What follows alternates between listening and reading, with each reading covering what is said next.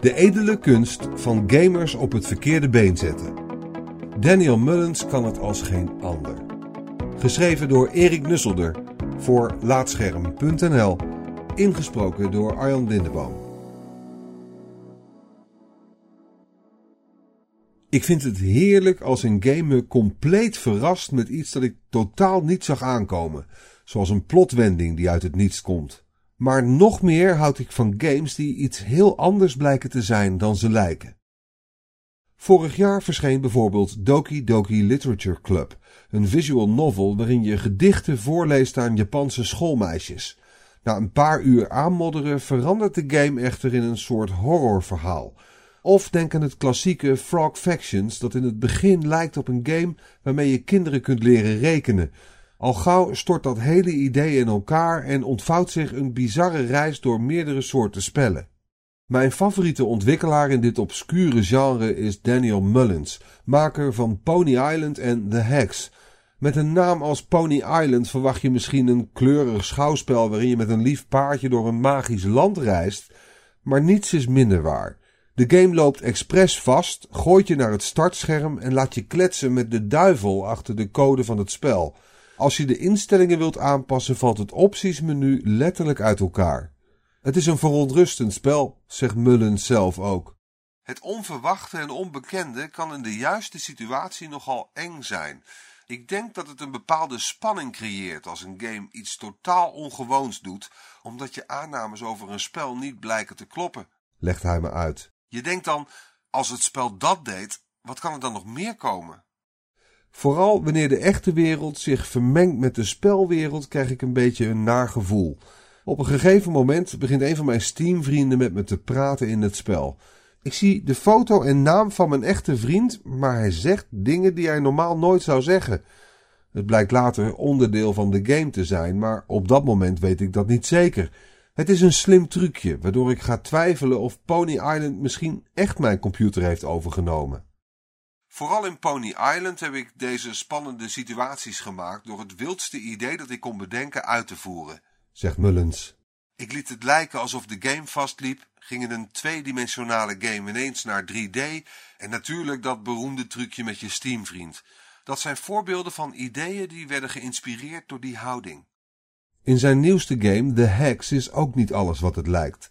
Zes hoofdpersonen uit videogames, ja ze weten zelf ook dat ze personages uit spellen zijn, zitten samen in een duister hotel. Elk hoofdstuk speel je in de stijl van hun game. Met Super Weasel Kid speel je bijvoorbeeld een typische mascotteplatformer uit de jaren 90, terwijl je met de tovenares een Japans rollenspel doorloopt. Ook hier vind je veel verwijzingen naar de echte wereld.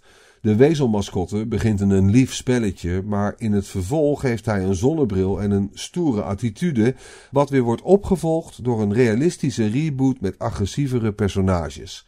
Mullins games zijn niet alleen leuk om op zichzelf te spelen, ze kijken ook met een kritische blik naar het medium en ontleden games zoals wij ze kennen. Ik kan niet zeggen dat ik ooit een bewuste keuze heb gemaakt om spellen te maken die games als medium belichten, zegt Mullins. Het lijkt te komen doordat ik grappige en aparte games wil maken. Ik vind het leuk om onverwachte trucjes te gebruiken en voor verrassingen te zorgen. Tijdens mijn werk vind ik het het leukst om te bedenken hoe spelers zullen reageren op bepaalde gebeurtenissen in het spel. Als ik begin met een nieuw spel, motiveer ik mezelf door eerst een paar momenten te bedenken waarin de game echt tot leven komt, zegt hij. Door die momenten raak ik enthousiast en dat enthousiasme gebruik ik om naar die momenten toe te bouwen. Vooral bij The Hex heb ik steeds veel dingen aangepast of opnieuw gemaakt. Daardoor had ik ook veel tijd om na te denken over verhaalelementen. Een aantal dingen heb ik veranderd omdat mijn gedachten over de game steeds evolueerden. Het kan moeilijk zijn om dit soort games goed in de markt te zetten. Als je in een lijst spellen langs de titel Pony Island scrolt, raak je misschien niet meteen enthousiast. Creatief gezien is het niet moeilijk om gamers op het verkeerde been te zetten. Het moeilijkere deel is je game verkopen geeft ook Mullins toe. Als alle marketing en beelden erbij een goede vermomming zijn, wordt het moeilijk om spelers te bereiken die geïnteresseerd zijn in de vermomde ervaring. Frog Factions of Doki Doki Literature Club zijn bijvoorbeeld helemaal vermomd. Hun ware aard is compleet verborgen door het promotiemateriaal en zelfs binnen de game zelf. Voor die twee games was mond-op-mond reclame dan ook erg belangrijk. Ik heb ze zelf ook op die manier aangeraden aan mensen. Speel het gewoon, ook al denk je dat het helemaal niets voor jou is. Deze twee spellen werden een succesverhaal, maar je vraagt je af hoeveel van dit soort games bestaan die nooit door een groot publiek ontdekt zijn. Staat Steam vol met verborgen horrorgames? Mullins koos bij Pony Island in ieder geval voor een andere aanpak. De game verbergt zijn ware aard alleen aan de oppervlakte. Zodra je voorbij de naam en de eerste paar seconden van de trailer bent, is het heel duidelijk wat het echt is, zegt hij. Ik denk dat de naam het zelfs makkelijker maakte om het te verkopen. De naam zie je bijna altijd samen met het glitchende logo van het spel. De naam Pony Island zou mensen zeker afschrikken, maar met de verontrustende plaatjes erbij wordt het ineens intrigerend.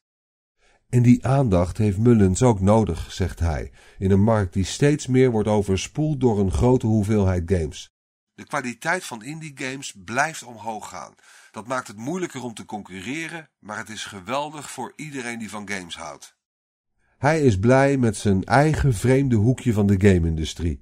Soms, als ik aandacht krijg van de pers of een heel aardige mail of tweet krijg, voel ik me een beroemde ontwikkelaar. Andere dagen voelt het alsof ik nog een heel eind te gaan heb. Maar ik ben in ieder geval blij dat ik twee unieke games heb gemaakt. Daar ben ik trots op.